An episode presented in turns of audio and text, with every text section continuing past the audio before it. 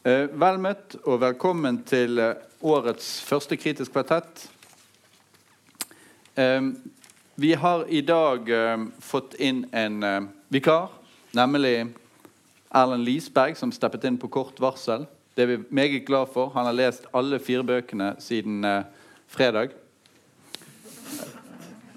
Så han har de i det minste friskt i minne, om han muligens kan ha lest de litt for raskt. Han er anmelder i Bergens Tidende og eh, dessuten doktorgradsstipendiat ved Universitetet i Bergen i allmenn litteraturvitenskap.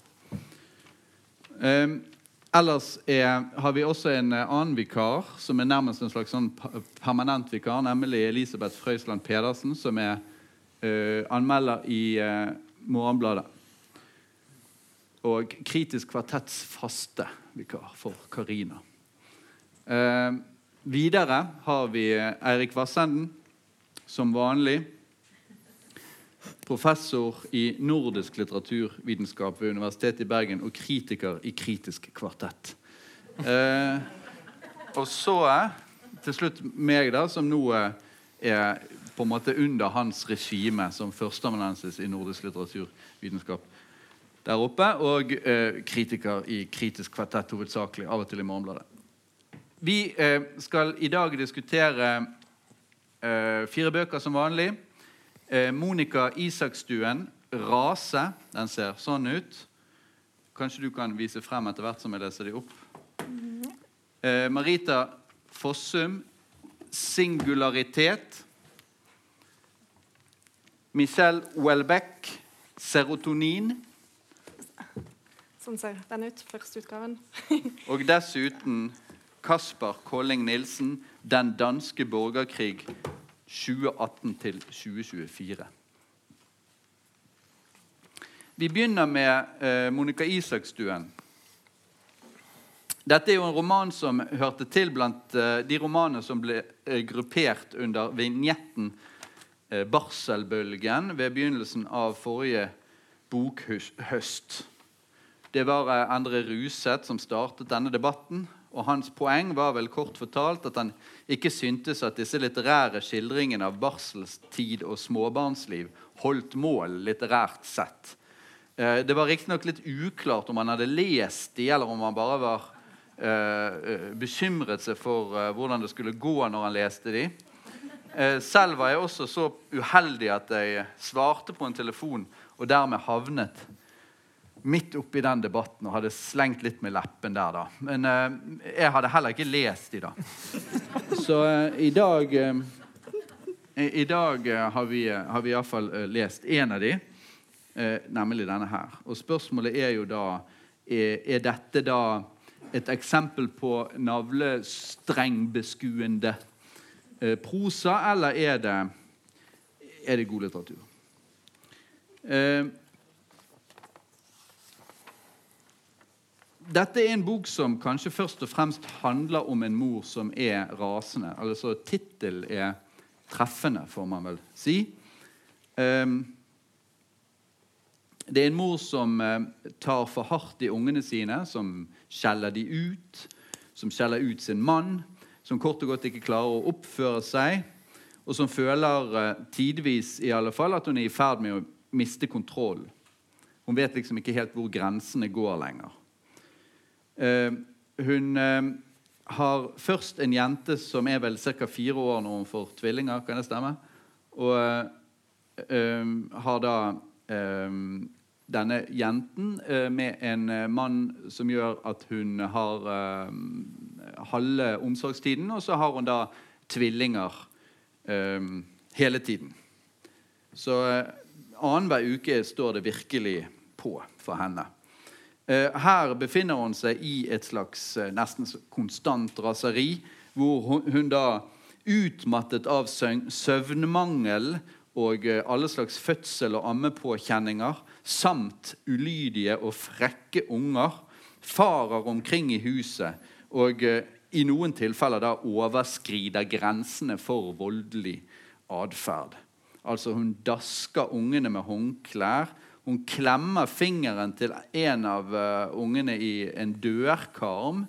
Eh, Antagelig var det et uhell, men vi er ikke helt sikre på når hun bortforklarer ting, og når hun er på en måte litt for streng med seg selv.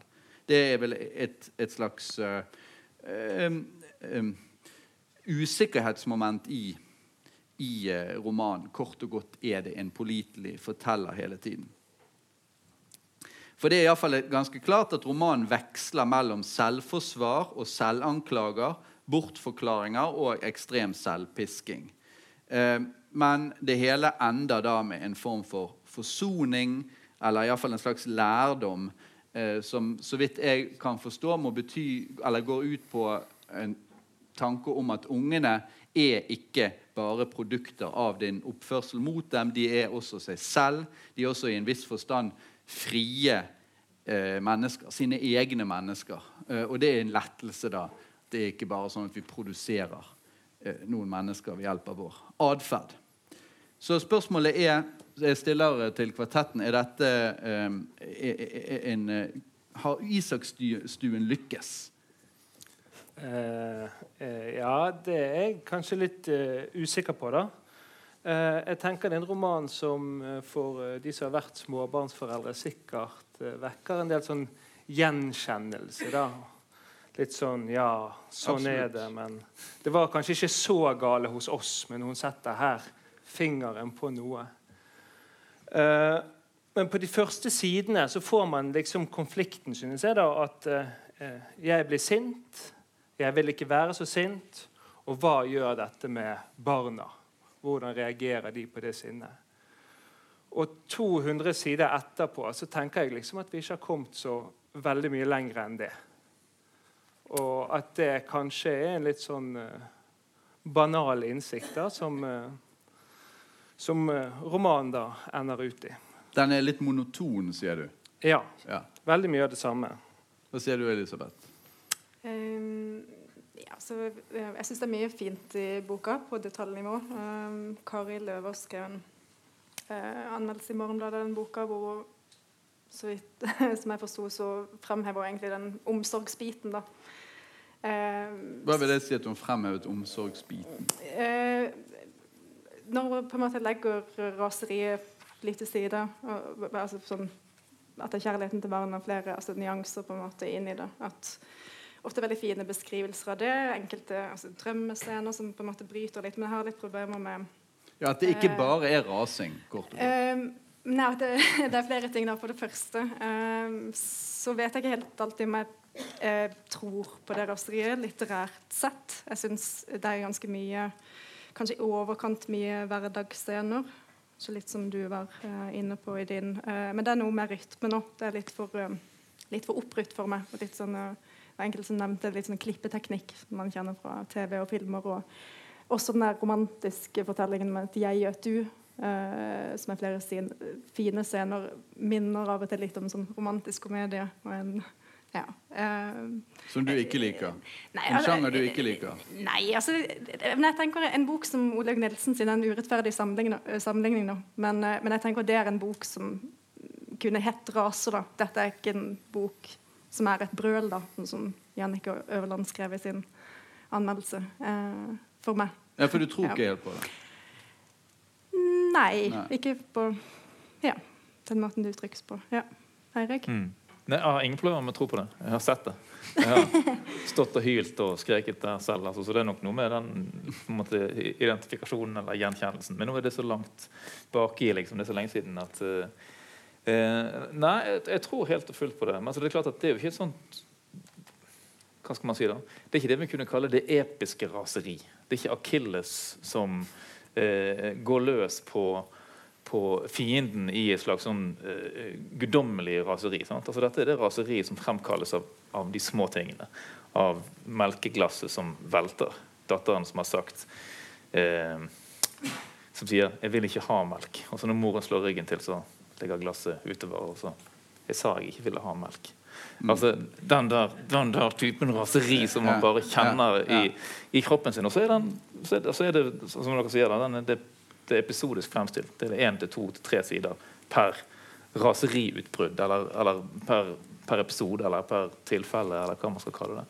Um, og Altså jeg synes det fungerer sånn rent sånn Hva skal man kalle det? Drama, dramaturgien i det fungerer ganske godt. Altså Det går fra katastrofe til katastrofe. Og man får selvfølgelig en ekstremt sånn klaustrofobisk følelse av å lese det, for det tar aldri slutt. Altså Alt, alt suges inn i den virvelen, Og nedadgående spiralen. Og kjærlighetsliv uh, til, uh, til eh, paret her, eh, barna, oppussingsprosjekter, eh, jobb hele, hele denne, alt, alt, det der blir preget av, eh, av, den samme typen altså det er på en måte en side raseri, og på den annen side er det surhet. Da. Det er kanskje det jeg mener, da. Jeg oppfatter mer den surheten. Ja, ja. Poenget med å, med å liksom si at dette er ikke det store raseriet, det grandiose raseriet. Det, det, det, det, er jo nettopp at den, dette er en bok som består av massevis av sånne, sånne småting som man, som man ser selv. Altså Som, som hun, hovedpersonen, ser selv. Men som, som, som Frode Finn sier i innledningen sin her ikke alltid godt å vite når hun er for streng med seg sjøl. Når hun blåser opp ting som, som er helt hverdagslig, og ser på det som brutale overgrep. Dette skulle jeg ikke gjort. dette skulle jeg ikke gjort. Ja, som, som forelder, så, forelder, så, er man jo dømt til å gjøre eh, en million feil. Sant? Eh, hele tiden. Og gjenta feil som andre har gjort. Også, sånn at eh, det, altså, å, å, vurdere hva i det som er stort, og hva i det som er smått. Eh, jeg syns hun, hun, fremstiller akkurat de der hva si da, dimensjons- eller proporsjonsproblemene.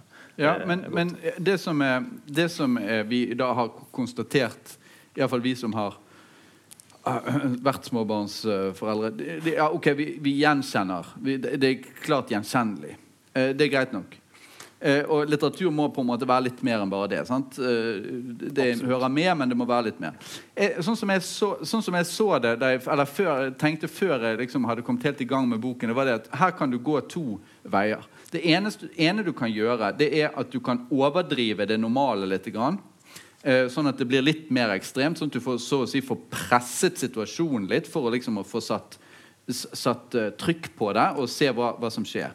Det andre er at du kan heller gå den veien at du normaliserer eh, raseriet. Eh, og da vil du få en effekt som er et slags, en kritikk av den der psykologiinfiserte eh, diskursen som preger samtalen om småbarnslivet, som også tas opp i romanen.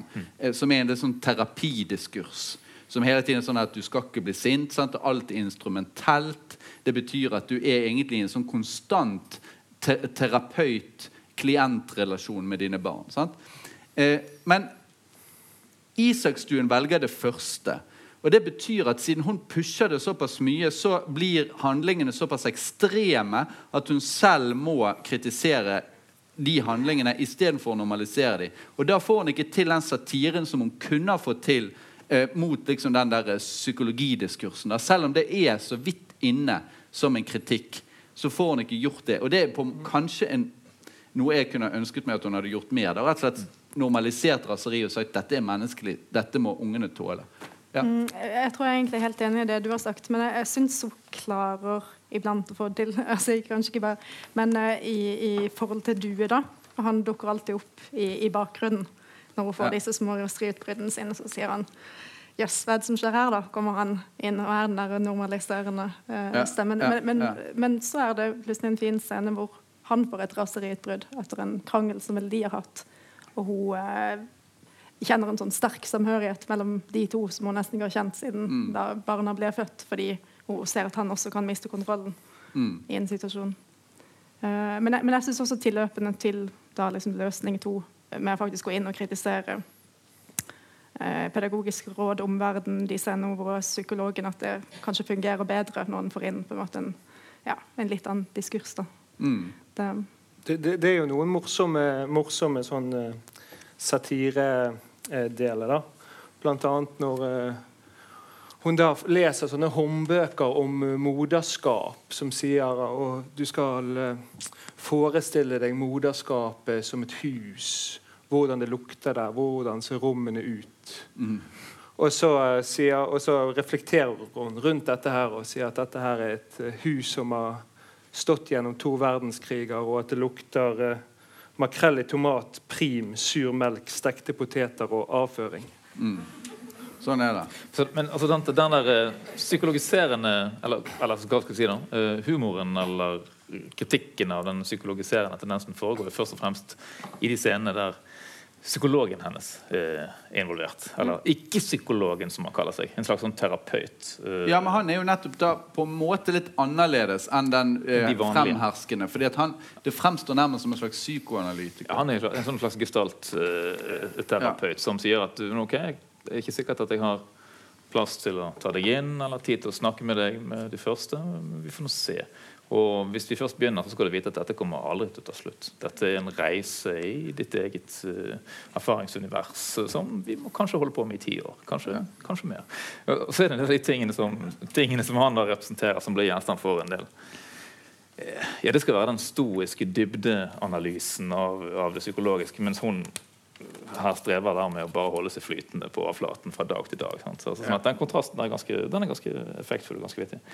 Eh, Men er du enig med det Erlend sa i begynnelsen, at det er litt lite du får ut av romanen? Det har jo, du har vel langt på vei sagt det?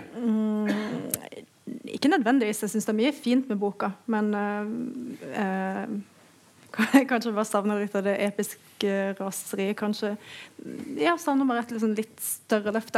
Litt mer av den Altså sånn eh, eh, Jeg har jo lest den Rachel Cusk, de memoarene som Isak Stuen også sier hun har vært inspirert av når hun skrev eh, 'Rase'. Eh, som går mye lenger inn i den diskursen. syns jeg. Eh, så det er kanskje ja, en, en liten skuffelse av at jeg håpet at hun skulle ta det lenger, da, kanskje. Ja. altså En annen åpenbar, åpenbar parallell eh, er jo Gro Dale. Altså som den som i norsk litteratur kanskje har skrevet mest og best om, om den der, hva skal man si, den overskridende morsskikkelser. Eh, altså hun går mye lenger i det groteske og, og i det i det liksom voldsomme og ville. Eh, og, det, vil du, det vil du gjerne ha hatt? Ja, altså Hvis det er det vi savner. Altså, Nei, det er ikke, det er ikke nødvendigvis det. Men, synes, altså, men, men, der, men der er det jo på en måte ingen grenser. Sant? Den eh, eller prosasamlingen eller diktsamlingen som heter 100 000 timer, som vel er også tiden barnet, Den våkne tiden til barnet fra det blir født til det fyller 18 cirka, har jeg regnet ut. 100 000 timer. Ja. Det er omsorgstiden for et voksent uh, menneske. Um, men, men altså, det er klart at Dale har flere, et større register å spille på. Altså. Så her er det her er det, det daglige. Og, og jeg klarer ikke Det kan godt hende jeg har det med min eh, med min uh, uh, hva skal jeg si da, egen erfaringsbakgrunn å gjøre. Men den der, men denne sausen av morsmelk og bleiebæsj og tårer og gulp og oppkast og snott og utsølt mat og drikke, den har en viss sånn appell til meg. Ja, det litt, kom litt sånn overraskende på med den siste nei. kommentaren. Det kan godt hende at det er fordi at jeg har det på en viss avstand og kan betrakte det med en slags stoisk ro. Det er ikke du er mitt. glad du er ferdig med det? Men eh, ja, den burde jo være altså Det er jo mye vi burde òg altså, uten vann altså, Man kan fint relatere til søvnløshet og altså, Alle som har jobba i omsorgsyrker, kan på en eller annen måte relatere til, relatere til altså, det eh, voldsomme behovet da, og den der eh, kompromissløse tilstedeværelsen. Da. Eh, så den, den er ikke utelukkende skrevet for mennesker som har barn. Heldigvis. Men, men, kan jeg si en ting til? Det er Ja, en sånn- en rask kommentar. Vi en må sånn, type, nå. en sånn type identifikasjon som jeg syns er fin. Altså for det, disse, dette paret, eh, hun, hovedpersonen, og du, kjæresten hennes, de, liksom, de driver fra hverandre, og disse raseriet og ungene kommer mellom. og alt det der. Men så er det én scene der han liksom endelig blir grepet av det samme raseriet. Ja, det som sa henne. hun, eh. Ja. Og der han går, ut, han går ut og river fra hverandre hele den hagen som han møysommelig har Ja. dyrket opp. Da. Og Ja. da plutselig kan liksom falle, ting faller på plass. Det, Da- jeg sånn. synes det er en av de Hun beste forstår scenene. at han endelig har forstått henne ved å bli, være like rasende som henne. En type identifikasjon som, er- som er ganske fint uh, skrevet frem. Uh, vi er vel uh, litt, eh, litt lunkne som panel betraktet eh, til Isakstuen. Eh, den eh, romanen eh, får vel en slags mild anbefaling fra panelet ved hver min eh, oppsummering. Neste eh, roman er Marita Fossum 'Singularitet'. Eh, Elisabeth? Ja, skal vi se, jeg kan holde den opp igjen. Uh, sånn ser den ut. Uh, Singularitet er Marita Fossum sin syvende roman. Uh, hun har tidligere belønna med Brageprisen for uh, forestill deg, og Vi snakker på en måte om et respektert forfatterskap som likevel ofte går litt under radaren hos mange, har jeg inntrykk av. Får en, veldig ofte en type litt sånn uh, respektfulle, men litt overdrevet høflige anmeldelser. Som gjerne legger mye vekt på form. altså En veldig liksom, språkbevisst forfatter framfor liksom, å diskutere det prosjektet bøkene faktisk ofte tar opp. da. Eh, singularitet er en eh, førstepersonsfortelling fortalt av Gulline, eller Gullemor, som litt sånn infantilt kalles. Eh, og sjøl så virker hovedpersonen ofte nokså naiv på mange måter, som kan komme tilbake til litt seinere. Eh, hun lever som mange andre et veldig eh, trygt liv materielt sett. Eh, lever, har hele sitt voksenliv egentlig levd på en eh, morsarv som har bidratt til at hun egentlig har sluppet å arbeide. Eh, hun regner også med at en farsarv er innen rekkevidde i noen få år.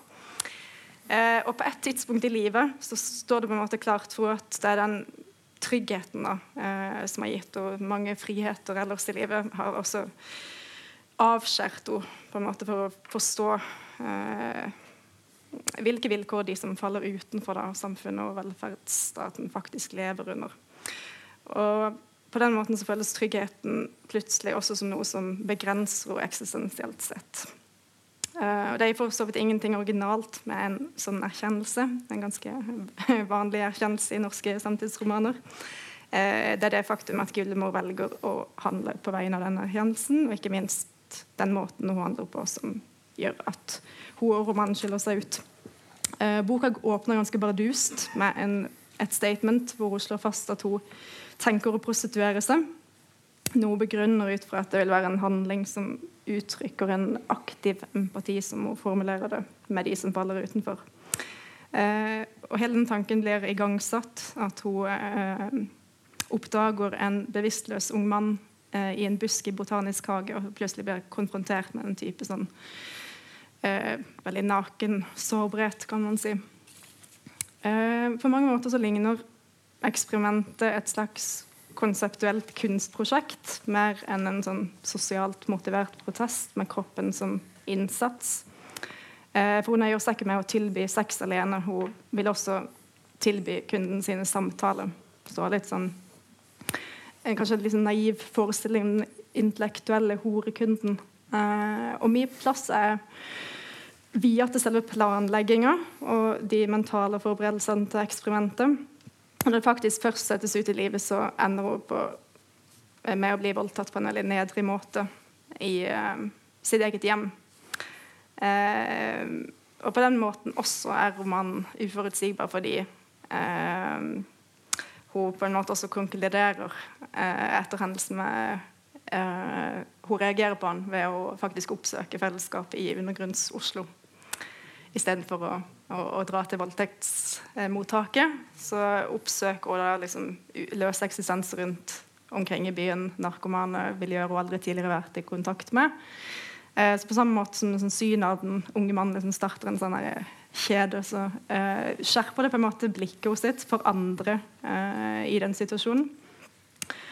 Eh, mottakelsen av boka har vært litt sånn eh, blanda, også på den måten som jeg nevnte innledningsvis. At eh, man har de på en måte som anmelderen som en sånn eh, eh For noe som er med han, da, at han er veldig sånn eh, eh, Den stemmen hos den er veldig sånn Minner litt om Kristine Næss. Den er liksom både naiv og kynisk på samme tid. veldig nøktern i måten han beskriver det på. Noe som på en måte lett for en til å tenke at det er helt fremstilt som en sånn komedie da, som stiller henne ut som en sånn uh, Bjørn Gabrielsen skrev i sin anmeldelse som en hellig narr. da, skrev han om henne.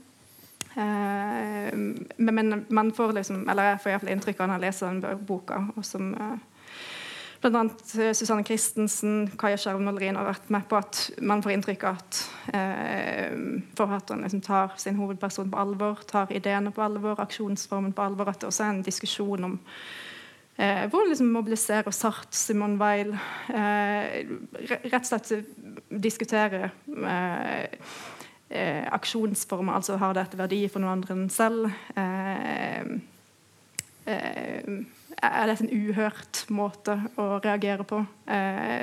tjener det noe nytte? Altså, hvis man skulle sett ut fra en sånn effektiv altruisme, så eh, vil du komme ganske dårlig ut av det. Så hun er ikke noen klassisk velgjører eller sånn barmhjertig samaritan. Men hun forklarer oss at et selvprosjekt er ikke at hun skal komme ut som en martyr med heder og ære. Hun skal uh, rett og slett tyde en ekstrem identifikasjoner med, med uh, solidaritet med altså, de som faller utenfor. Okay. Eh, vi, la oss høre hva, hva, hva de andre syns om eh, romanen. Hva sier du, eh, Erlend? Eh, jo, jeg uh, Støtter du dette resonnementet til Elisabeth? Uh, Ja, til dels. Jeg kan se det, men når jeg leser denne her, så det er Av og til jeg leser bøker, så tenker jeg sånn OK, er det noe jeg ikke skjønner? Er ingenting som helst. For jeg syns det var utrolig kjedelig. Og utrolig dårlig. Eh, jeg syns det prosjektet med selvmarginaliseringen å liksom gå inn og være prostituert var ganske sånn teit, og, og, og det gjennomføres jo ikke. Og det, nei, den irriterte meg skikkelig. Var det en dårlig idé, mener du? Dårlig idé. Stilen veldig sånn pratsom. Eh, Jeg så en del anmeldere hadde sagt at den var morsom. Jeg syns ikke den var morsom i det hele tatt. Nesten. Jeg Eh, aner meg en konflikt eh, her. og jeg likte ikke det der eh, Kirkegård, Sartre og Camus under bygningen som liksom ligger der som At hun eh, ikke klarer å handle liksom etisk. Der hun bare prater om det og egentlig er et slags absurd menneske som eh, Sisyfos eller Don Juan hos Camus. Eh, eh, dette, dette høres ut som en total avvisning. Hva sier du, Elisabeth? Eh, nei, jeg avviser avvisningen. Hva kan jeg si det? det? Nei, men altså Jeg mener det er et ganske tynt grunnlag. Men da kan det være Jeg, jeg har ikke sagt at jeg syns eh, det er en på en måte perfekt roman. Altså I likhet med sånn Katrine Knutsen, Kristin Næss. Jeg leser du ikke for den type sånn formfullendte romaner, men fordi de er interessante, fordi de stiller liksom interessante spørsmål, de gjør noe nytt, de ser noe nytt. Og, og det er jo ikke sant at hun ikke handler, da. Det er jo faktisk det hun gjør. Ja, Eh, men da, eh, La meg spørre deg om det. For det, det er jo et lite moment der i, i, i det du egentlig sier der. Altså, hun uh, har en, en eksentrisk idé, la oss kalle det. Kalle, det det. Altså, jeg vil prostituere meg for å komme ut av min middelklassetrygghet og dermed komme nærmere livserfaringen til utskuddene. Og så ender hun opp med å bli, bli voldtatt. Det er selvfølgelig en forferdelig opplevelse. Eh, men så går hun jo, som du sier, Ja, nettopp mener ja. ut til da en prostituert som hun følger rundt omkring. Hun treffer igjen denne unge mannen, eller uh, iallfall en tilsvarende figur, eh, fra innledningen. Som er, altså disse utskuddene. Med andre ord, prosjektet er vellykket. Eh, der romanen da merkelig nok synes å, å si det at uh, hvis disse middelklassekvinnene bare hadde gått med på å bli voldtatt, så hadde, så hadde de da kunnet eh, nærme seg samfunnets uskudd. eller noe. Så det blir ganske sånn twisted Uh, på mange måter. Selv om kanskje den, din fremstilling av akkurat moralen i romanen muligens er litt uh, Jo, jo, men det er, Aparte, det er en slags, det, det er en slags sånn merkverdighet der til slutt, syns jeg. ja, ja, ja.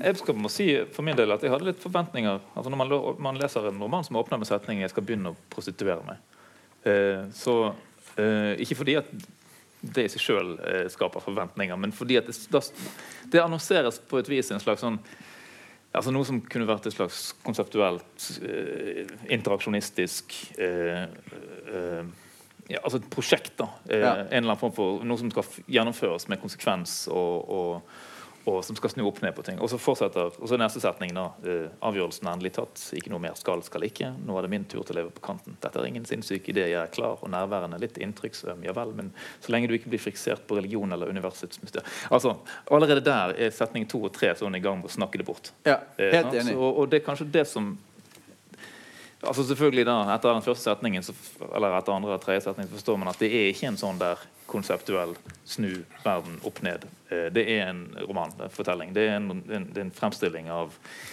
ja, Hva skal man si, da? Det er skal si, mennesker som for eh, tiende eller tyvende eller tredvte gang forsøker å si OK, nå skal jeg begynne med noe ordentlig. Nå skal jeg sette livet mitt i gang med noe. Og så, som hun har gjort talløse ganger før. Utdanninger og jobber og, og andre prosjekter.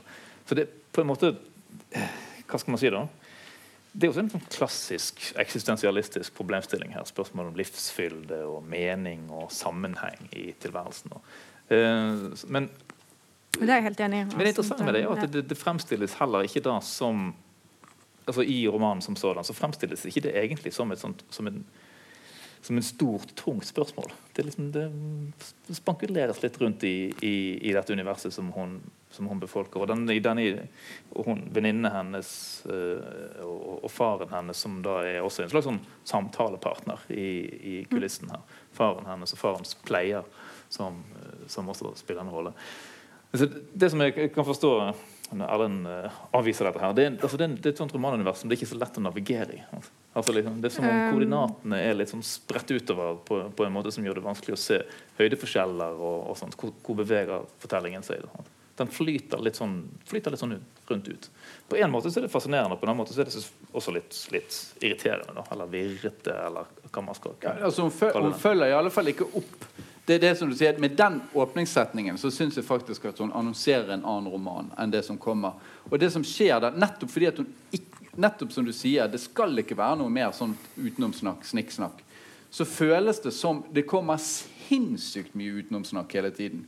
Mm. Uh, og at hun mister totalt fokus på det prosjektet. sånn at det er liksom ikke noe egentlig Altså det Prosjektet er bare en del av alt mulig annet. Som men, ikke, ikke, virker som hun glemmer innimellom. Men, men, ja, da, men, men romanens prosjekt er jo at dette prosjektet ikke skal gjennomføres. Dette prosjektet er på en måte bare nok et sånt spor som, som hun ikke skal følge. Ja, ja, men det, det bare å si det at Fossum selv med den åpningssetningen annonserer en annen type roman som gjør at ja, Hun følger ikke opp den, da. Nei, nei, men, men det, tror, det, tror, jeg vi kan se på som denne romanens hva skal vi si, ironiske beinspark på seg sjøl, eller forventningen vår om et sånt uh, konsept. Det er kanskje fordi den gjør det. Sparker liksom bort uh, uh, eller, eller ikke vil ha det prosjektet eller ha den, forfølge den ideen. Det er kanskje derfor den som, som du er inne på, eh, den voldtektsscenen fremstår som utrolig brutal og kommer, kommer, veldig brått på. Og nesten også inntar en liksom spekulativ plass i, i, i, romanen. Det er den eneste tingen jeg liker veldig dårlig eh, i, denne, i, i, denne, fortellingen. Der. Altså, den er eh, altså det, det, er det eneste selvfølgelig det eneste stedet der, der ting liksom hardner og og, blir, og, blir, dypt alvorlig, dypt seriøst. Um, men det er også så om den scenen der er med Jeg er ikke helt sånn klar over, klar for, klart for meg akkurat hva, hva, hva jeg mener, men da, da den liksom kom brasende på, så, så, så, så, fikk jeg følelsen av at den har et eller annet den, den låner en eller annen form for tyngde da, til, til, det andre som, som svever litt rundt. Hva sier du, Erlend? Blir du mer overbevist når du hører uh dette snakket her? Nei, egentlig ikke. Jeg likte jo altså, likte den voldtektsscenen. Likte den voldtektsscenen. Eh, men jeg, jeg, likte det alvoret som kom inn der, da. Mm. Eh, og, og, litt av det som skjer etterpå. Mm. Men eh, jeg irriterte meg liksom gjennomgående også over alle karakterene. Hun er venninnen som driver med sånne Abigail. Abigail eh, ja, uff. Og, og, han er faren som kommer med sånn platte visdomsord. Det er jo det eneste han sier gjennom hele hele romanen. Uh, nei, nei, nei uh, egentlig så kan jeg um, Jeg har noen innvendinger også. Jeg bare ble litt sånn tvunget ut i, i et forsvar i sted. Og, og, det er at jeg syns av og til det skjer faktisk for mye. Uh, altså For mange karakterer på siden av den monologen på siden av det prosjektet. Blant annet av en venninne Abigail, og kanskje særlig faktisk han naboen.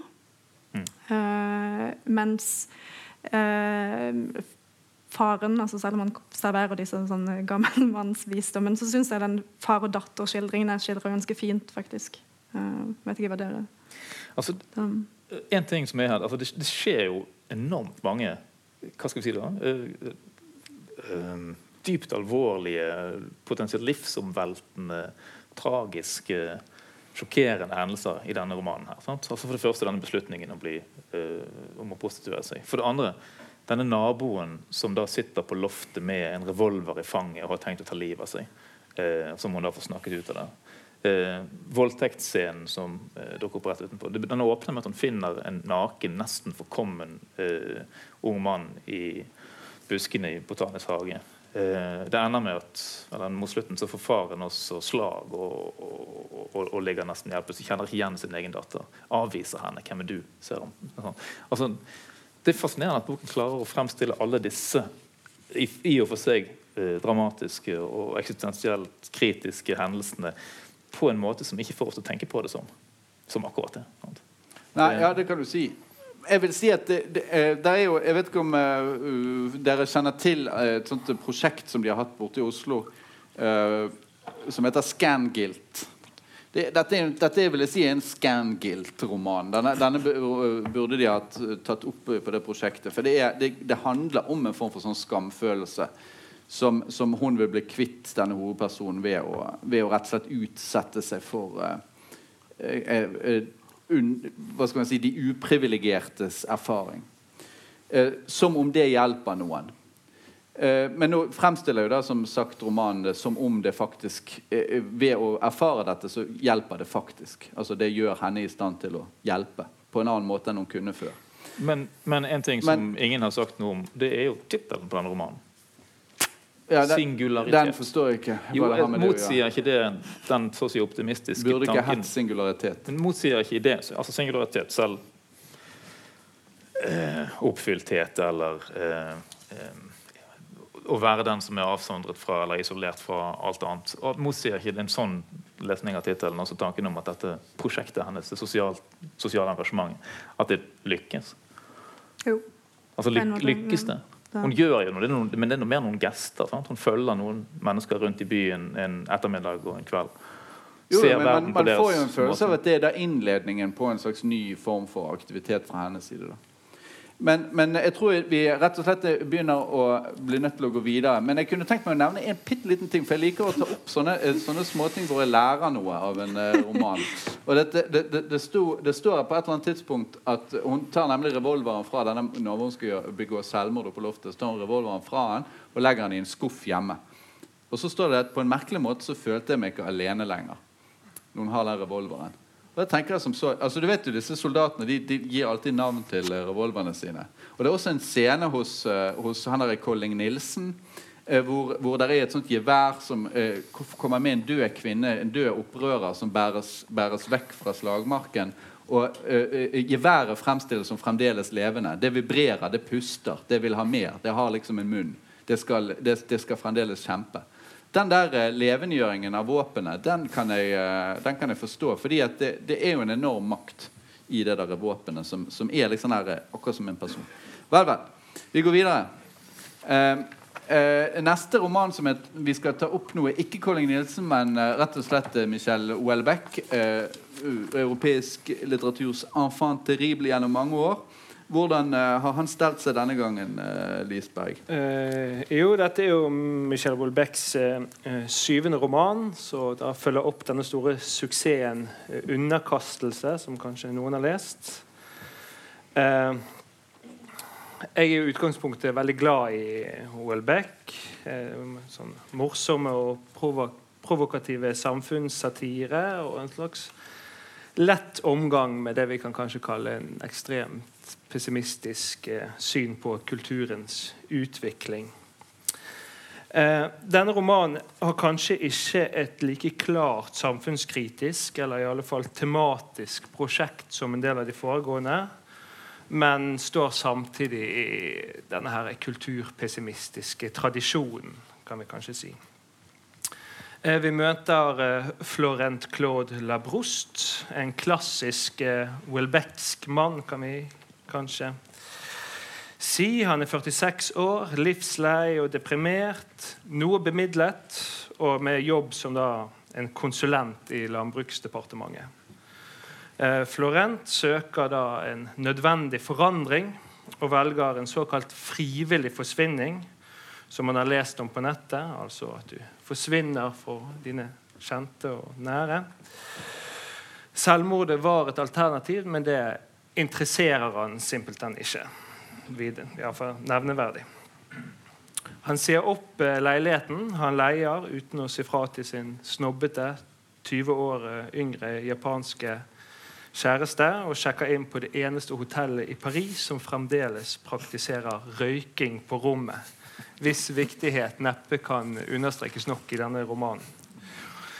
Eh, I motsetning til de fleste av Wolbecks tidligere romanpersoner hengir han seg imidlertid ikke til ulike former for seksuell hedonisme, men oppgir da heller faktisk skjønnsdriften og et fremtidig sexliv, for heller begynne på det antidepressive legemiddelet eh, Captorix, som da øker kroppens eh, produksjon av det såkalte lykkehormonet serotonin, da, som eh, også er tittelen på, på, romanen.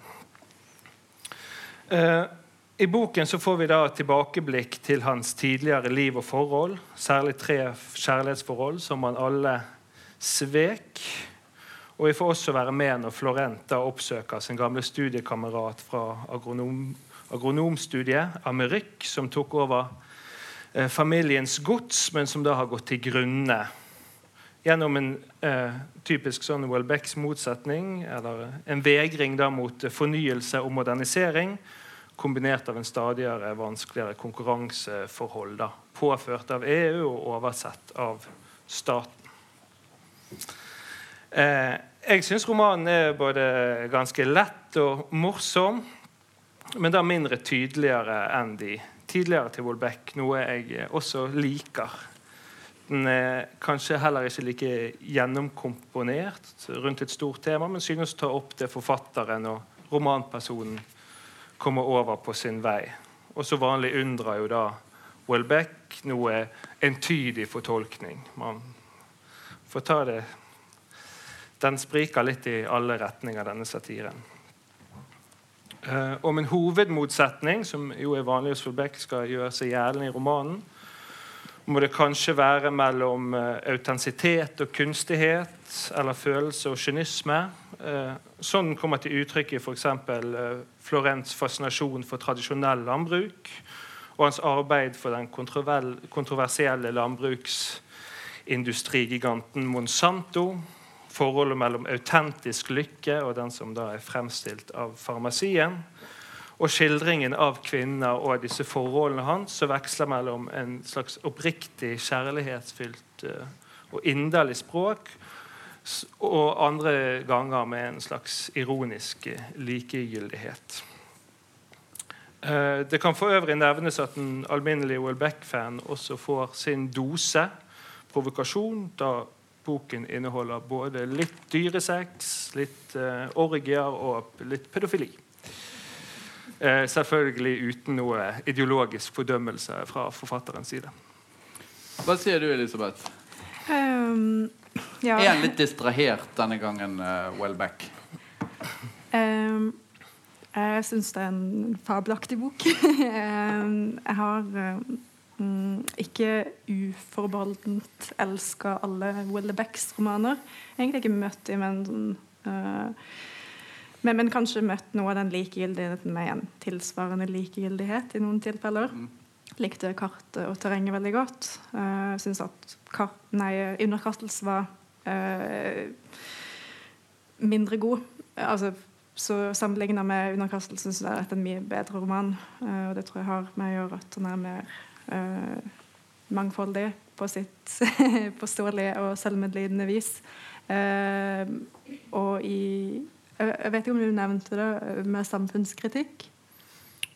Men jeg, jeg oppfatter jo den som tydeligere sin samfunnskritikk. Så da tror jeg ja, vi er uenige. I, ja, det er en kritikk mot EU i så fall, og annet, internasjonal ja, kapital. Uh, og jeg mener jo at det er den del to liksom, som gjør det til en uh, veldig god Welbeck-roman. Uh, ja. uh, som løfter den da, i, i forhold til liksom, de andre bøkene han har skrevet.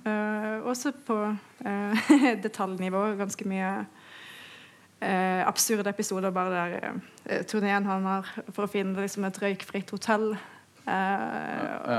Og han har den sånn, grandiose selvmedlidenheten. Sånn. han snakker om foreldrene som har vært noe eksemplariske foreldre hele hans oppvekst. Men så ser han liksom hans mor gir hans far et liksom lite smil akkurat idet han flytter ut. sånn at vi endelig kvitter han liksom, Han ble dødelig såret. Sånn. Ja, så er liksom eh, mannlig selvmedlidenhet på maks volum, da. Eh, ja. Men det er liksom tatt ut i det ja.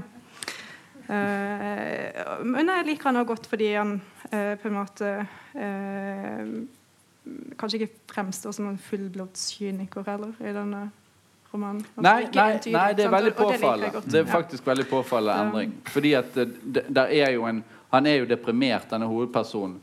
Men så går han går til en sånn eh, eh, psykolog eller psykiater som driver og tar noen prøver av ham. Og så sier han det at eh, Han driver og måler, måler noe sånn hormonnivåer og sånn. Så sier han det at eh, ut fra hormonprøven så, så, så kan det se ut som om du er i ferd med å dø av sorg. Eh, og eh, det er litt u-Wellebacksk. Unnskyld. Litt u-Wellebacksk i den forstand at det ikke er at det er et farvel til denne kynismen. Så bør vi kanskje si at han er blitt, eh, romanen er jo blitt eh, berømt for å ha forutsett de gule vestene-opprøret i Frankrike.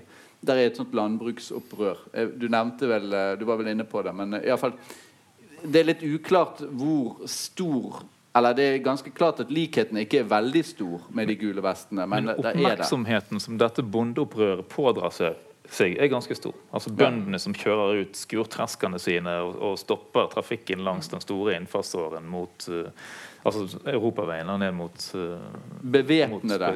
Bevæpnede. De sprenger to en skurtresker og en sånn pakke uh, Ja, hvert fall Maskiner. Ja. Og eh, Amerik, altså kompisen til hovedpersonen vår, da, han eh, stiller seg opp fremst eh, sammen med en, en rekke andre eh, bevæpnede bønder og skyter seg sjøl gjennom hodet.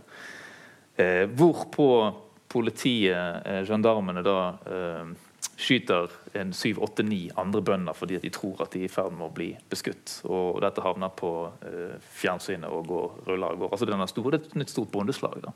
Ja. Så det er helt klart at det, dramatikken omkring dette er, er, er omfattende og stor. Og raseriet er også da Kan jeg si noe om den scenen? Eh, jeg syns jo det er en fantastisk scene. Fantastisk beskrevet.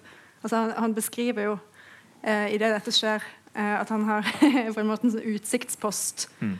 Eh, med altså, bedre innsyn til det som faktisk skjer, enn Mm. fotografen. Og, og liksom den derre eh, det er ikoniske bildet da, av han Aymerik. på en måte som, som, eh, vi, vi kan jo snakke det, om det seinere. Um, Omkodlingen liksom, der mener jeg er en vesentlig forskjell da, i den type scener. Da, hvordan man klarer altså, synes at Will Beck klarer å gjøre en veldig veldig, veldig visuell akkurat den scenen.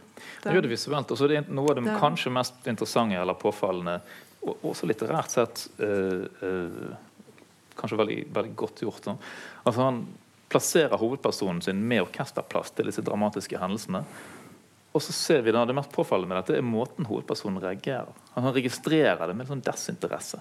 Han ser det, han registrerer at han har god utsikt, og at ingen ser dette bedre enn han. Altså det, De tingene der er like viktige som selve den emosjonelle responsen på at hans eneste venn i verden, Emerik, skyter seg sjøl gjennom hodet for, som i en protest mot EU, storkonsern, statens eh, reguleringer og kollapsen i, i det franske jordbruket.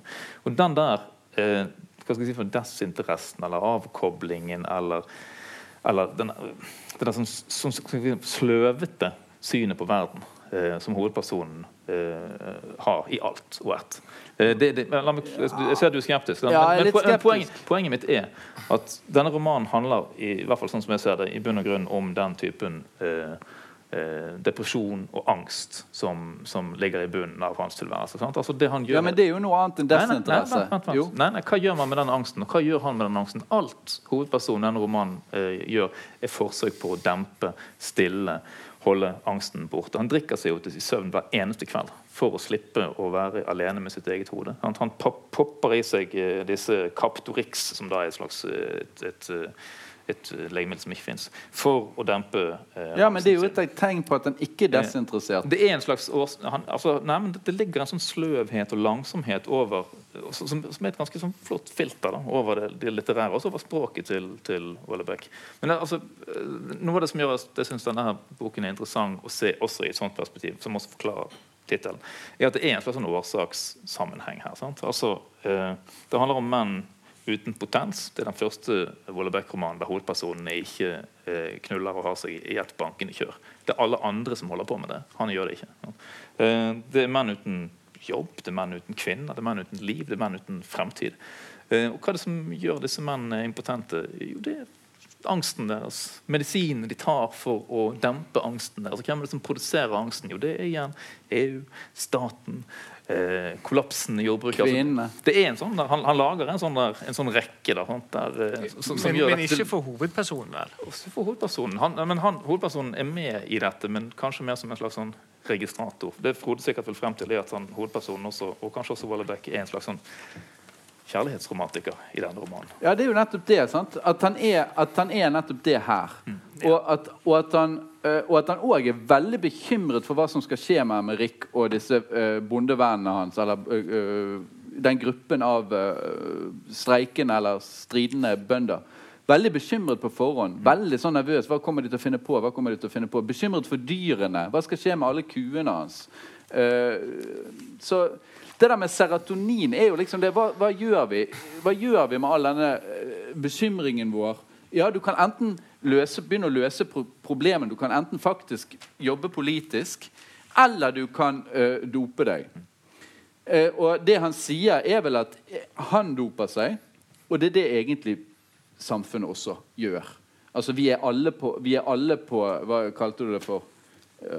Kaptilux Kaptorix. Kaptorix. Kaptorix. Som er fiktivt Men det er jo hele tiden denne dobbeltheten også. Sant? Jeg har sett at folk har påpekt at, uh, at Wolbeck er mye mer sånn inderlig og, og en romantiker i, også i, i kjærlighetsliv i denne boken. Og, og Florent har jo da et sånt forhold til denne her tapte, elskede Camille, er det vel hun heter.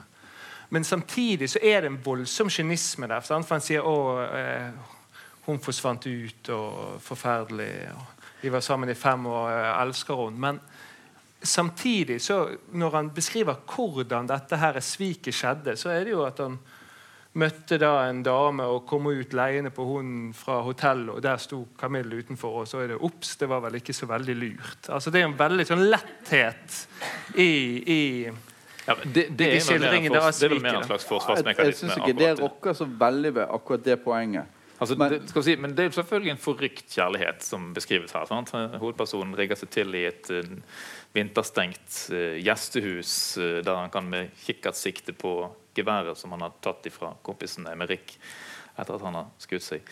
Rigger seg til sånn at han har utsikt over da, denne Camille sin store kjærlighet, sitt hus. Og barnet som hun har da fått uh, uten å binde seg til noen mann, da, men barnet som hun har fått som han resonnerer seg frem til at ok, hun har fått en annen manns barn, altså kan hun ikke være min så lenge dette barnet eksisterer. Der ligger det en sånn forskrudd eh, evo-bio-logikk. Eh. Så han ligger der dette er det grusomste øyeblikket i hele fortellingen. altså ganske mange bizarre og grusomme øyeblikk her. Men han ligger og ser i dette kikkert, gjennom kikkertsiktet på denne riflen som kan skyte da med en sånn eh, noen centimeters presisjon over 1500 meter. Ligger han og ser på sønnen hennes, som da er seks år gammel, som leker utenfor huset. Så tenker han eneste måten jeg kan være med henne igjen, eneste måten hun kan bli min på, er at jeg fjerner dette som står mellom oss, dette barnet. Eh, Så ligger han og ser på han, barnet, ser på barnet, forsøker å trykke av, men, men får det ikke til. Gir det opp. da. Eh, Spoiler eller og Det er den store kjærlighetserklæringen i denne romanen. Da. At han ikke klarer å eh, altså han, hans, eller, eller det er hans feighet. At han ikke klarer å drepe sin evige kjærlighets... Eh, barn. altså, Ja. det, det er en helt, helt forrykt logikk i det. Så, Men vi som- får, vi får jo et frempek ved at han ikke heller Han gjør det akkurat det samme med en fugl tidligere i romanen. Sikter på bevegelig mål, og så klarer aldri trekke av. Eh, Men eh, jeg vil gjerne spørre deg Syns du den, den, du likte denne bedre enn en forrige underkastelse? Ja, definitivt. Eh, Ja.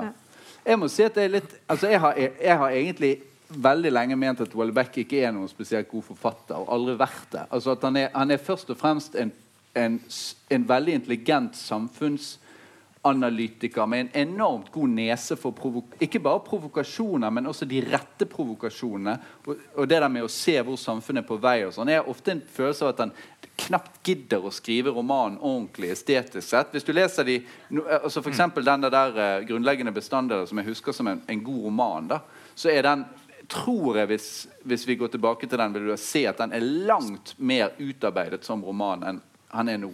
Det virker litt sånn sjuskete, syns jeg. Og, og han er litt distrahert og vet ikke helt hvor han er på vei. Og det er litt sånn her og der. Men det preger sterkest på Ja. de første 50-60-70 sidene. Ja. Og så plutselig så, så, så, finner han et plott. da underveis i dette. her, sant? Det er jo sånn det er en del komikk og det er sånn løsrevne episoder eh, innledningsvis. Og Ja. så reiser han tilbake igjen i den der en slags, Det er en slags sånn katalog der han besøker gamle minner, nærmest. da.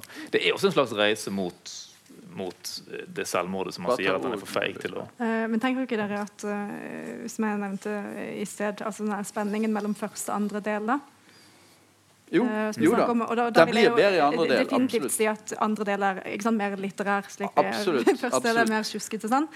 Første del er jo en slags sånn der, eh, Det er jo enkelte som har skrevet om den som ja, man typisk skriver om alle sånn eh, Ofte hvis man kommenterer seg Lars von Trier og sånn. og eh, det de gjør en sånn eh, narsissistisk øvelse, egentlig, sånn jeg kommenterer seg selv. Altså, I første del da han tar den der eh, back-orgen så langt ut som aldri før. Liksom. Altså, han uttømmer alt Welbecksk på en måte i, i første del.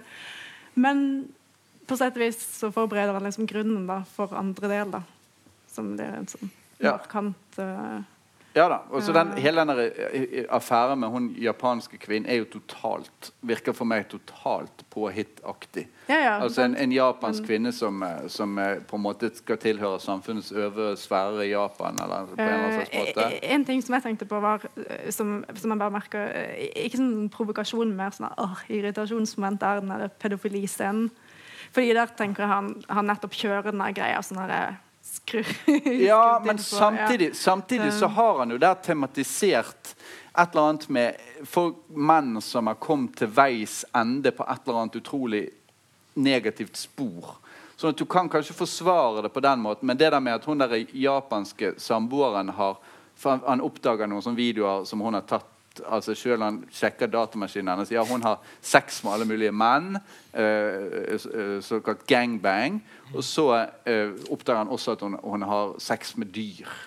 Det, Og så typisk, og så typisk en sånn Welbecks refleksjon. Ja. Det som eh, provoserte ham, var at hun gjorde det i hans leilighet. Ja, ja, Det er det eneste han liksom reagerer Og så lurer han på om han vil drepe henne, og litt sånn, men han finner ut at Altså Han kommer ikke til å gidde å legge skjul på det. ok, Da blir det veldig lang tid i fengsel. Kommer det til å bli noe særlig? Nei.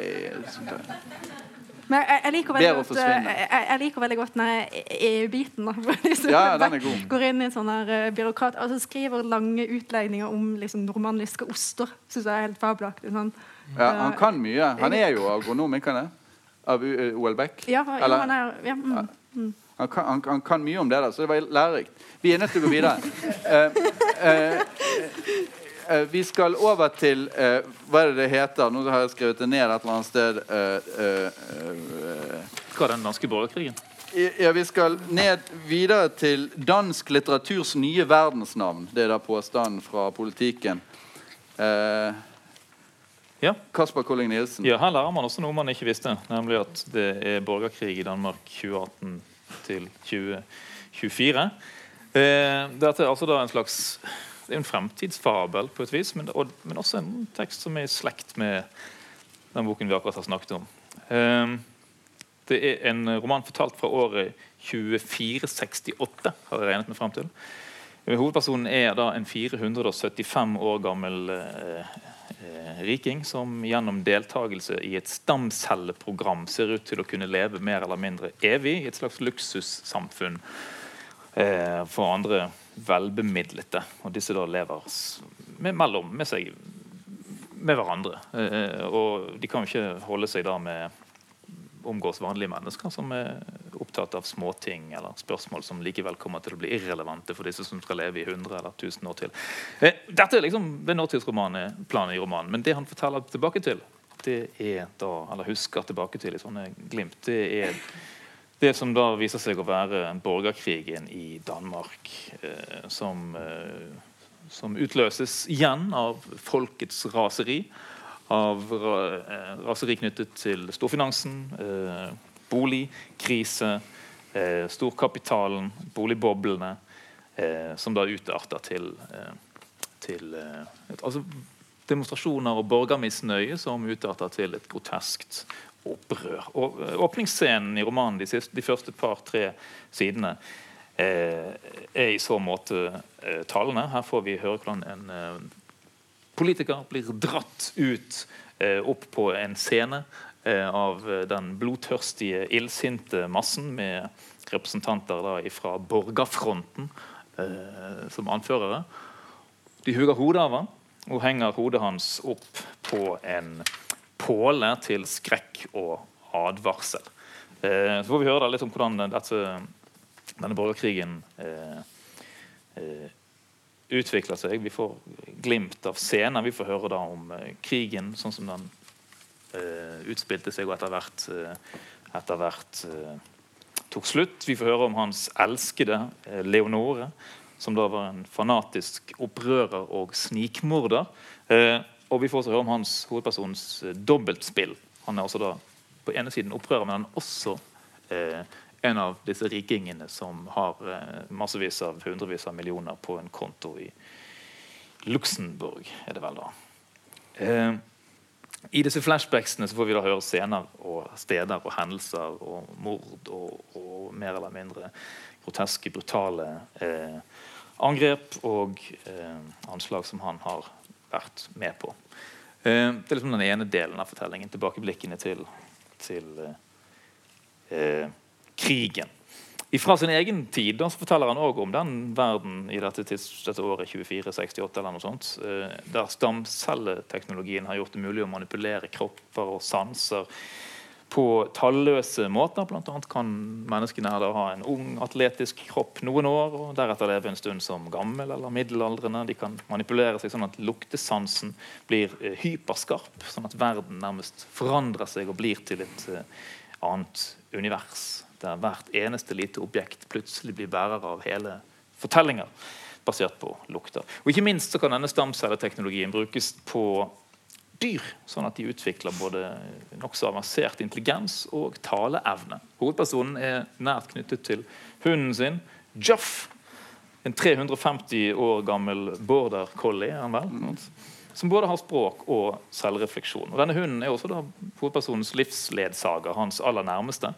De er nemlig ferdig med sånne ting som å ha permanente partnere. Altså Han har en sønn, men sønnen er jo bare 25 år yngre enn han. Og like gammel som han, og de har ingen kontakt i det hele tatt. Eh, eh. Deler av boken er også fortellinger fra gamle dager som hovedpersonen underholder hunden sin med. Og noen av de historiene som fortelles, er også fabler som vi ikke helt vet eh, hvor kommer fra, hvem som forteller. Mildt sagt. Ja. Eh, disse fablene som en hovedpersonen da enten forteller selv, eller har fått gjenfortalt og gjenforteller oss, eller som bare måte, spretter inn eh, her og der, de glir ikke akkurat helt sømløst inn i, i, fortellingen. for å si det sånn da. Så innimellom sitter man og lurer litt på hva som akkurat er for å si hva denne historien sier, eller hvordan den andre historien er motivert. da. Boken er delt i to. på den måten her, Tilbakeblikkene til borgerkrigen også disse andre pussige småhistoriene som fortelles. Og her er det ganske mye rart som kanskje representerer en slags sånn akkumulert visdom som disse oldingene har, eh, har, med seg inn i året sitt. Noen av småfortellingene eller fablene er litt sånn umotiverte, pussige, mens andre er litt sånn Kafka-liggende fabelfortellinger. Noen, der, noen av de som er kjempegode. En historie om presten som da i kirke der kirkeskipet har ramlet ned. Et berømt, vakkert kirkeskip har ramlet ned. Så hyrer han inn noen indiske tømrere som han gir nøkkelen til kirken til. og Drar han på ferie, og så begynner han å lure på hva egentlig dette særlig lurt. Hva om disse planlegger terror? Hva om de planlegger ja, de uhyrligste ting? Kommer han tilbake igjen fra ferie, så har da denne indiske tømreren laget et skip som fyller hele kirken til randen. Altså Et kirkeskip som henger i taket, og som fyller absolutt hele kirken og gjør den ubrukelig. Altså sånn, så er den ferdig. Det er en slags sånn fabelalgori. Ja, totalt poengløs. Eh, eh, Men det er én fortelling som, som, er, som jeg syns er særlig strålende her. Ja, men Du er nødt til å gå inn for landing, Eirik. Ja. Vi har fire minutter igjen. Ja, Det er litt lite. Ja. Eh, det er en fortelling her om en sint en sint bonde. Du lar deg ikke rocke, forstår. Men noen andre må få slippe til. Elisabeth, hva syns du okay. om denne romanen? Eh, jeg syns han var eh, mislykka på nesten alle nivåer, minus den historien om det kirkeskipet. Du likte også den kirkeskipet? Eh, ja, men jeg syns han er eh, For å komme litt tilbake til Will Beck, da, så syns han er ekstremt lite visuell da, i sånne ja, han eh, skriver jo en del om opptakten til den borgerkrigen. og altså Senere underveis, Jeg har jo til og med bodd i København. Klarer ikke å se for meg liksom, noen av de scenene rundt i byen. da, hvor det, ja. det, det er utrolig flatt skrevet. da. Uh, og, og, så har jeg problemer med at den er altfor uh, uh, påståelig. og demonstrativ. Den er ekstremt lite subtil. Jeg husker jeg tenkte sånn Welbeck mer subtil uttrykk det liksom etter jeg hadde lest denne romanen. På mange måter så ser jeg det som en uh, en av liksom sånn menneskevisdommen den fremmer da, som en sånn mislykka Welbeck uten humor og absurde innslag som gjør det verdt å lese. Ut fra det Eirik sa, så kunne man jo få inntrykk av at det var noen absurde innslag i det minste. Blant annet denne Eh, Jeg border syns ikke de fungerer. Jeg syns de blir for påståelige. Altså, alle de dyre kapitlene blir på en måte brukt for å demonstrere sånn å, menneskelig dyrisk. Altså, det er jo det de gjør. Det er ikke underliggjørende, da, for min del. Det, Så, men du, du, vil, du vil tro at den er en, det er en Eller du vil egentlig si at det er en Welbeck-epigon? Eller at en etterligning? En, en definitivt. matt Nei, for, for det er ganske mye eh, altså, påstander om menneskenaturen her som jeg syns er altfor påståelig. Ja. Jeg, jeg likte den eh, ganske, ganske godt. Eh, eh, men jeg syns eh, Og jeg likte noen av Særlig den eh, fortellingen, uh, fabelen, som Eirik hadde tenkt. Den rasende bonden. Ja, noen sånn fantastiske eh, fabler, særlig den. eh, og også, litt også den med, med skipet. Eh, men veldig variabel, da. Jeg syns, den fungerte ganske bra i første del i opptakten til denne borgerkrigen. Selv om en del av fakta, faktagrunnlaget henger liksom ikke helt på greip. F.eks. at det skjer en enorm boligkrise fordi at eh, denne her etterkrigsgenerasjonen blir litt eldre. Akkurat som at, eh, som at da bare står disse boligene tomme. At de ikke, for eksempel, at de ikke går i arv, f.eks. At de ikke fylles opp. Mm. Og, og sånne småting, da. Men jeg, jeg likte egentlig både plottet og, eh, og likte også disse dyrene i begynnelsen. Litt sånn George Orwellsk eh, Animal Farm. Blant annet med denne grisen som blir satt i forvaring og sånne ting. Altså Problemet med plott altså Jeg er helt enig med Elisabeth. Jeg syns det er, er en veldig dårlig roman og mislykket på absolutt alle måter. Uh, og uh, jeg syns den er også fantasiløs på en eller annen slags måte. Du merker det at dette er en sånn manusforfatterhjerne som, som lager en, en fortelling som kanskje kan fungere som en en litt sånn halvdårlig Netflix-serie, men ikke, ikke sånn roman. Sant? Sånn at um, det, det, er ikke, det er ikke bra. Men eh, det, det, det som Hvis jeg skal si noe litt mer poengtert om det, så vil jeg si det at hva bruker Colling Nilsen denne borgerkrigen til? Hva er det han vil si om det? Det fisler ut i ingenting. Eh, hva, er det, hva er det han vil si om det at de har det der stamcelleprogrammet? Han får ikke sagt noe som helst. Det fins et, finnes et poeng hvis jeg kan få vi må, Ja, men, men la, la meg bare få si det som er selvfølgelig poenget, er jo et ganske viktig poeng selvfølgelig at ja, forestill deg at det som skjer i Syria f.eks., det kan også skje her, men samtidig eh, så vil, vil da eh, bare, bare såpass kort som opp til Norge så vil folk være relativt upåvirket. De bare, det er visst en borgerkrig nede i København og men, tror du, mener du at det er hovedpoenget? Altså omplasseringen av dramatiske hendelser til oss? Ja, jeg kan ikke se noe sånn stort annet jeg, tror, poeng. jeg tror vi må se på dyrene litt mer. Altså, sant? Fordi at eh, Stamcelleprogrammet det, det, det er tre poeng her. Det er borgerkrigen og raseriet og misnøyen osv. Og så er det denne vidunderlige nye verden der folk kan leve evig og gjøre hva de vil. Men det som skjer når de kan gjøre hva de vil og leve evig, er at de bare har sex i mer eller mindre dekadente former med, én eller flere eller veldig mange partnere. Litt avhengig av sinnstilstanden og hvilket århundre de liksom befinner seg i. Men dyrene, det er der det ligger noe. Altså Dyrene sine muligheter Mennesket er ferdig utviklet. De kan bare gå nedover. Det er bare dekadanse. Eh, og akkurat sånn som borgerkrigen illustrerer at det politiske systemet kommer til å ha utspilt. Det er bare det er kollaps. Sant? Mens dyrene de utvikler seg hele veien. De har fortsatt potensial til å, å eh, bevege seg videre. Menneskene de er liksom sterile for lengst. Det er ingen som kan få flere unger av disse, disse rikmenn eh, eviglevende. Mens ungene mens dyrene, mener jeg, de får barn. Selv Jeff det slutter jeg med den. Jeff finner seg en, eh, en annen eh, eviglevende eh, bikkje, og så får de et kull med valper. Og I den der eh, litt sånn optimistiske forestillingen om at dyrene kan representere en eller annen form for utvikling som for oss er på måte ferdig. Bort vi er kjørt for lengst. Der tror jeg det ligger altså, Det er romanens verdi. Ja, men, men, men la, meg si, la meg si det sånn, heller sånn da. Eh, Det er et symptom på denne romanens totale mangel på ideer at eh, den skyter inn alle disse fortellingene liksom for, fra fortiden. Som veldig, altså, altså Det er jo en ganske tynn roman. Temaet er kjempestort. Det er spenner over hundrevis av år. Kjempestore konsekvenser skulle man tro disse tingene hadde. Men det har han eh, likevel såpass god tid eh, at, han, at han kan bruke side opp og side ned på totalt irrelevante fortellinger. Det er for meg et tegn på at han vet overhodet ikke hva han vil med dette. Han, vet, han har ikke noe spesielt mange ideer. Han har ikke noe det, det, det som jeg synes av de der fortellingene der som var litt ok, det var den der om de tomatene. Eh, det, minner meg, det minner meg om en fortelling som jeg pleier å fortelle til min sønn. Om, eh, om gull, eh, gulrøttene som ligger inne i kjøleskapet og gruer seg til de skal bli tatt og kastet opp i gry- gryten. Men det er det det handler om. Der, hvordan tomatene henger der. og liksom, Den største skammen er jo ikke bli plukket. Og så ligger de oppi boksen der, og så til slutt så, til slutt så blir de brukt i en deilig pastasaus, og da kan de liksom ah, Da har de oppfylt sitt tilværelse. Det synes jeg var det. Bortsett fra det geværet som jeg nevnte tidligere, som, er, som også var ok. Ja, men det var mange mange fine Jeg synes det var en del fine, men de kommer i starten. da på De siste 50 sidene er det jo bare tullball og med sånn psykiatrisk institusjon med, Det dyr, med dyr og ja, altså, slu, altså slutten og disse her jødene som gjemmer seg inni et sånt stort rumpehull. Og, ja, det var, ja, altså Noe av det var jo helt Ja, Du liker ikke det? Nei, det. Men, men, men også så syns jeg det er en eh, Jeg vet ikke Han, han fremstiller egentlig akkurat som du sier, som en slags idéroman, men som er egentlig utrolig sånn detaljfattig og Ja. flat. Eh, men også mer enn det er en dystopi, så er det en sånn utrolig slapp satire av liksom, Danmark i dag. da. Det er ikke noe satire. Og grunnen til at det ikke er noe satire, er at vedkommende, hva nå han heter, Colling Nilsen er, han, han, er, eh, han underviser på business school. Han har et totalt konservativt menneskesyn. Han mener egentlig at alt er sånn som det er i dag, er bra. Han, noe, han, sier noe sånn som at eh, ja, altså Jeg har skrevet det ned her et eller annet sted, men det er helt åpenbart et helt vanlig konservativt syn. Han har, han har ikke den der eh, radikale driven som Ole Beck tross alt har. da Sant? Mm.